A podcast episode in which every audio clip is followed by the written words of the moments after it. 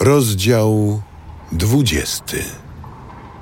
Wówczas zabrał głos Sofar z Naamy i rzekł: Do tego każą powrócić mi myśli wywołane wewnętrznym wzburzeniem.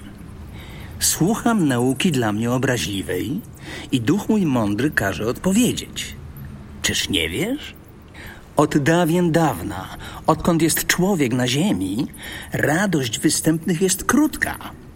Szczęście niewiernego trwa chwilkę, choć w pysze chce sięgnąć po niebo i głową dotykać obłoków. Jak gnój po nim zginie na zawsze, a ci, co go widzieli, mówią: A gdzież on? Jak sen przeminął, nie można go znaleźć, jak nocne marzenie wypłoszony. Choć goni go oko, nie sięgnie. Jego miejsce nie ujrzy go więcej. Synowie jego będą błagać biednych.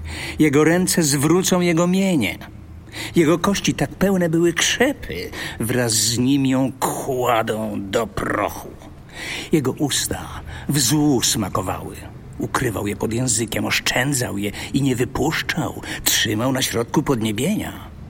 Pokarm ten zmienił się w trzewiach, we wnętrzu w gorycz wężową. Bogactwa połknął i zwraca. Bóg wyrzuca je z niego. Jad wężowy on wsysał. Zabije go język żmijowy. Nie spojrzy na wody płynące, na rzeki, co płyną miodem i śmietaną. Zwrócił swój zysk niepołknięty. Wymiana dóbr go nie cieszy. Ubogich miażdżył i pozostawiał. Zagrabił dom, choć go nie budował. Nie zaznał spokoju w swym wnętrzu. Nie uratował się swoim skarbem. Nic nie uszło jego chciwości, stąd jego dobra nie trwały. Poczuje głód mimo obfitości. Owładnie nim siła nieszczęścia. Gdy będzie czym wnętrze napełnić, Bóg ześle na niego żar swego gniewu, wyleje nań fale swej zapalczywości. Uciekł przed bronią żelazną, przebije go łuk brązowy. Wyciągnął strzałę, wyszła mu z grzbietu. Błysk ostrza z jego żółci. Owładnie nim przerażenie. Cały mrok jak skarb zachowany dla niego.